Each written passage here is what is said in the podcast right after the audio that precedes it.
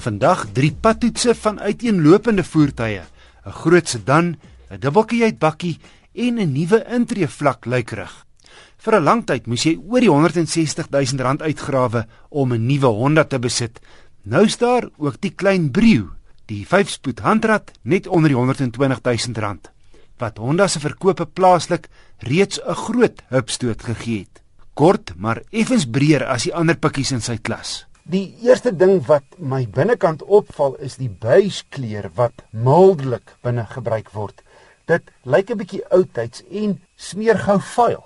As jy een van daai ouers is wat nie wil hê jou kinders moet in die kar eet nie, dan het jy 'n goeie verskoning in die brio. Selfs lang mense pas gemaklik voorin. Agter kan jy 3 kinders inpas as dit moet of twee kleinerige volwassenes.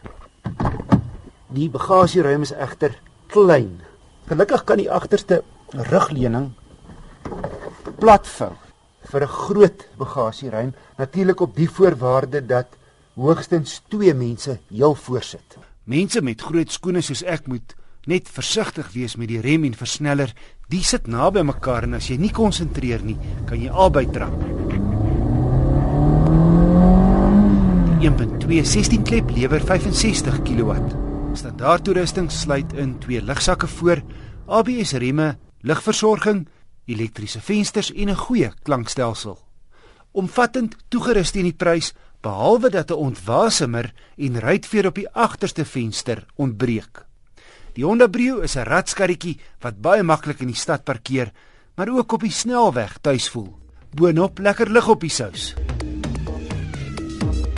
Voorkoms is 'n subjektiewe kwessie, maar die agterligte op die nuwe Mazda BT50 lyk nie vir my reg nie twee massiewe eenhede wat aan die sykante ver omkrul en aan die binnekant tot in die deur van die laaibak loop. Laat my dink aan twee reuse Valentynslekkers, net 'n groot sag en vroulik op 'n dubbelkajuitpakkie. Weet nie wat die ontwerpers gedink het nie, maar nou ja, dalk begin Mazda 'n nuwe mode hier waarvan ons nog salig onbewus is. Ook die voorkant se ontwerp is sag en vaartbelyn met die Mazda familie se glimlaggende sierrooster. Verder het die Mazda se topmodel, die 3.2 turbo diesel SLE 4x4, beïndruk. Wat ek hou van die laaibak is dat hy lekker diep is en hier is 6 hegpunte waarin jy kabels kan vasmaak om groot bonkige goed stewig te hou. Die kajuit is ruim met 'n aangename paneelbord. Nie heeltemal in die klas van die Amarok nie, Die Volkswagen is die leier in die gebied. Hier word van harde plastiek gebruik gemaak, maar modern en baie netjies uitgelê. Teen 465 000 rand kom hy met volop leksede en veiligheidskenmerke, maar die stuur kan net op en af en nie in en uit verstel nie. Verder maak navigasie nie deel uit van die pakket nie. Dis 'n groot bakkie en hy's ruim binne.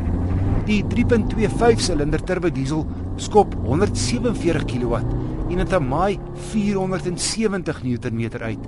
En hy trek lekker sterk deur die ses ratte. En die krag kom al laag in die toerusstrek in.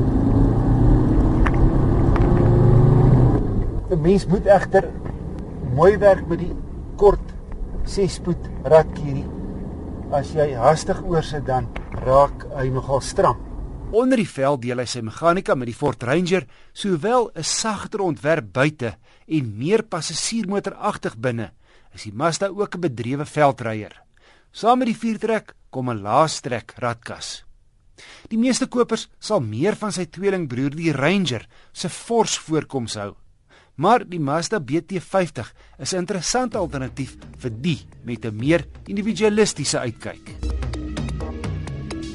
Chrysler het met sy nuwe 300C die evolusionêre roete gevolg, steeds daai hoekige, blokkerige voorkoms met 'n hoë romplyn wat byna 'n reguit lyn van voor tot heel agter strek.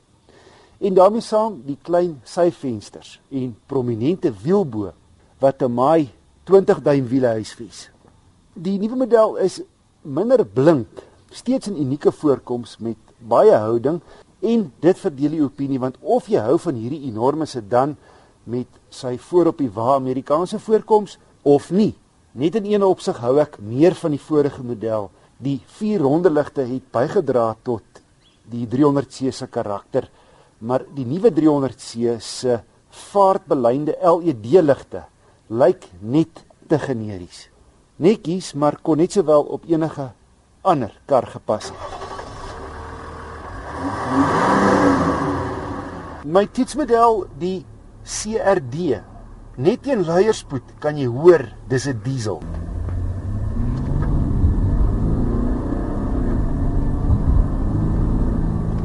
Teen 120 loop hierdie kar so stil soos enige luukse kar van oor 'n miljoen rand.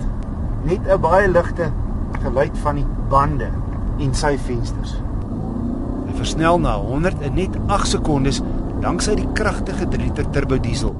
En hy gebruik nie die helfte soveel brandstof as sy V8 6.4 liter SRT grootbroer wat petrol teen 'n gemiddeld van 16 liter per 100 km suip. Op 'n sportnuts van oor die 5 meter lank sit jy minstens hoog, so jy het min of meer 'n idee van wat aangaan, maar in hierdie 300C 5,1 meter lank moet jy nogal kop hou in byvoorbeeld klein parkeerareas.